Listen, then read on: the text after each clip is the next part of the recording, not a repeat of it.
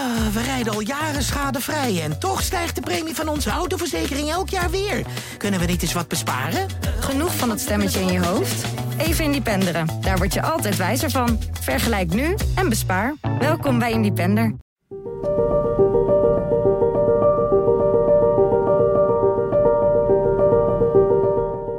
Door de adrenaline ja, word je gewoon vooruit geduwd en, en ga je gewoon door. En uiteindelijk komt er dan iemand jou ophalen en ga je met de auto naar het ziekenhuis. En dan kom je daar aan en dan staat Patrick mij buiten op te wachten. En uh, ja, dan weet je al gelijk dat het, uh, dat het niet goed is. En als we maar kunnen voorkomen dat er één arbeidsongeval met dodelijke afloop minder is, dan hebben we genoeg bereikt. Jaarlijks raken meer dan 200.000 werknemers gewond bij een bedrijfsongeval. Gemiddeld 60 keer per jaar valt er een dodelijk slachtoffer. Dat zijn 1 tot 2 doden per week. Soms lees je er iets over in de media, maar zelden hoor je wat er echt is gebeurd. Ik ben Reinier Vermeer van de Gelderlander. In deze aflevering praat ik met Karin van der Loo en Patrick van de Sande, de vrouw en zwager van Toon van der Loo. Hij en een collega kwamen in 2014 om het leven bij een bedrijfsongeval bij chemisch bedrijf Xycarp in Helmond. Bij Xycarp maken ze producten van kwarts. Het zijn uh, vaak deelproducten die ze maken, uh, die weer onderdeel zijn van eindproducten in televisies bijvoorbeeld en dat soort zaken. Het is heel gespecialiseerd werk en ze zijn een belangrijke schakel in allerlei productieprocessen van de maakindustrie rondom Eindhoven. Beide heren uh, waren onderhoud aan het verrichten. Geen regulier onderhoud aan een reactor. In die reactor hing argongas. Argongas is een gas wat je niet ruikt, wat je niet proeft, wat je niet ziet. Maar het is daarnaast ook uh, zuurstofverdrijvend en het is zwaarder dan lucht.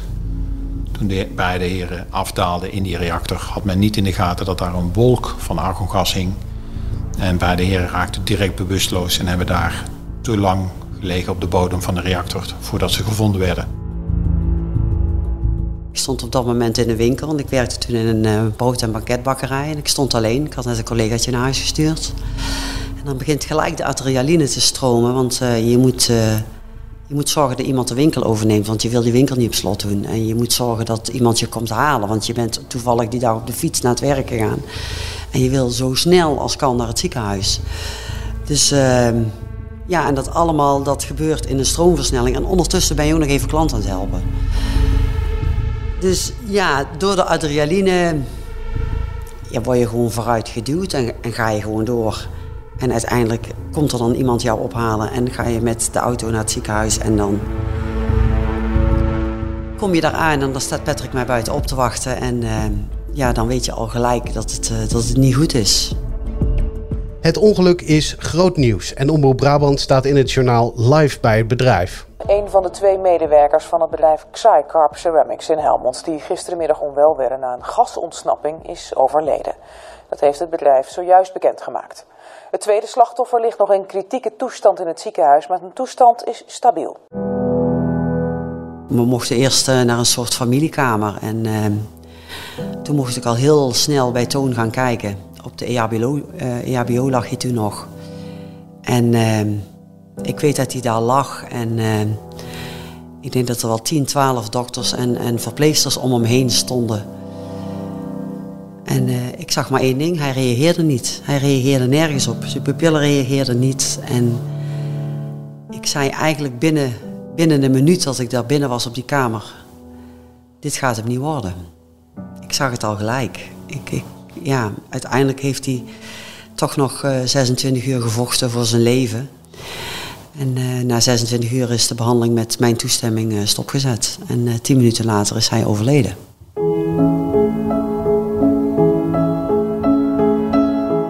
Toon en Tony worden begraven. Veel collega's, vrienden, bomvolle zaal. De maanden glijden voorbij. Het onderzoek van de arbeidsinspectie leidt tot een rechtszaak. Maar Karin en Patrick vinden de maximale straf, een boete van 200.000 euro, een schijntje voor een bedrijf met een jaaromzet van 1,2 miljard euro.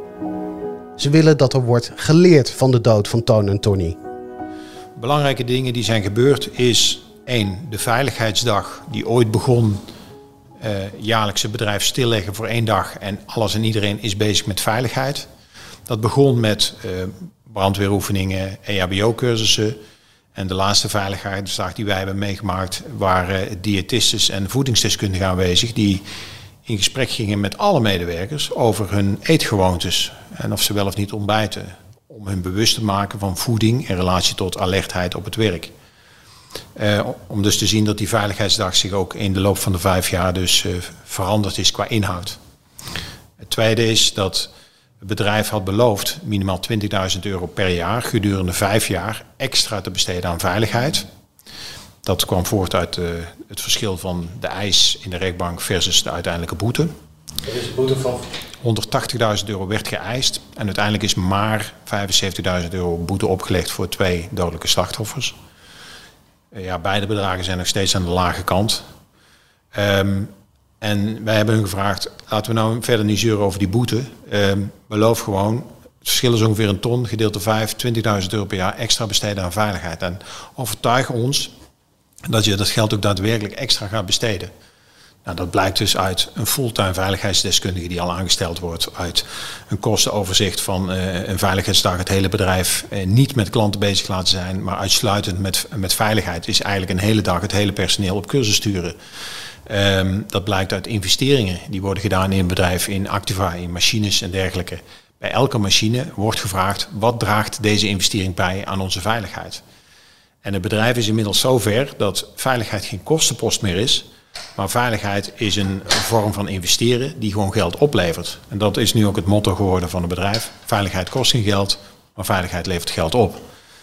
En als je dat durft uit te spreken en ook in te zien, dan wordt het ook makkelijker om uh, mensen te blijven overtuigen elke dag dat er gewerkt moet worden aan veiligheid. En een sollicitatiegesprek bij Xaicar begint standaard met de mededeling er is hier iets verschrikkelijks gebeurd op de werkvloer. We gaan je daar eerst even iets over vertellen voordat wij beginnen met het sollicitatiegesprek.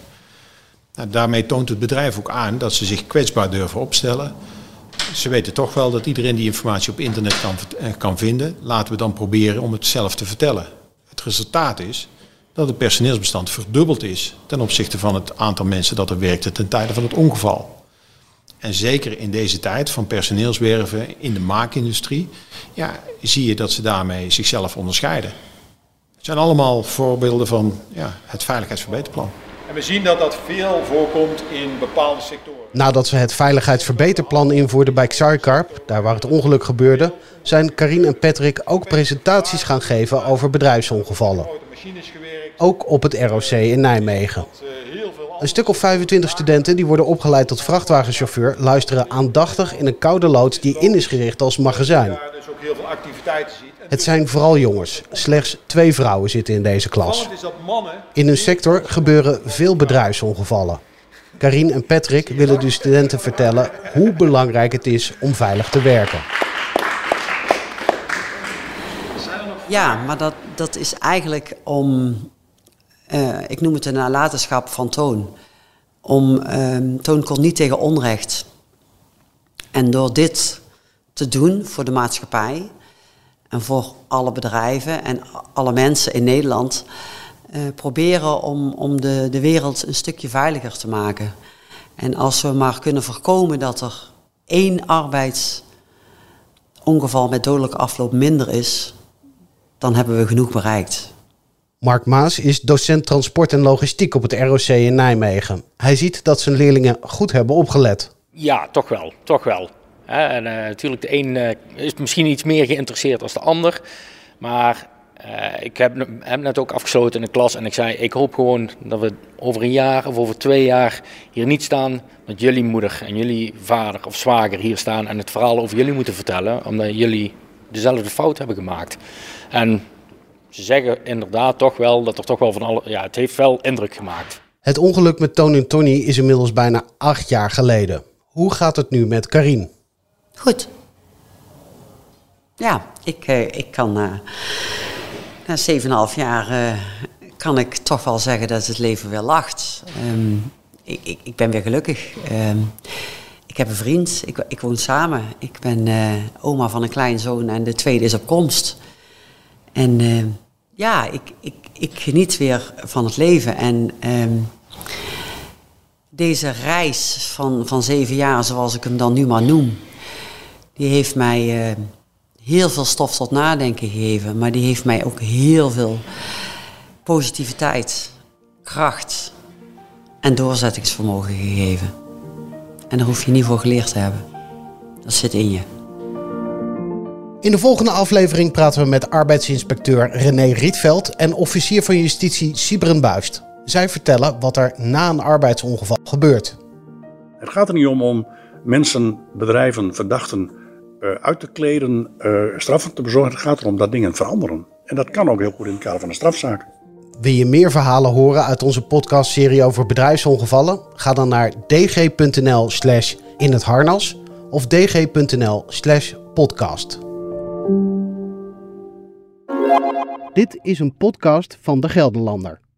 Ah, we rijden al jaren schadevrij en toch stijgt de premie van onze autoverzekering elk jaar weer.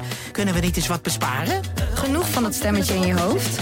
Even Independeren. Daar word je altijd wijzer van. Vergelijk nu en bespaar. Welkom bij Independer.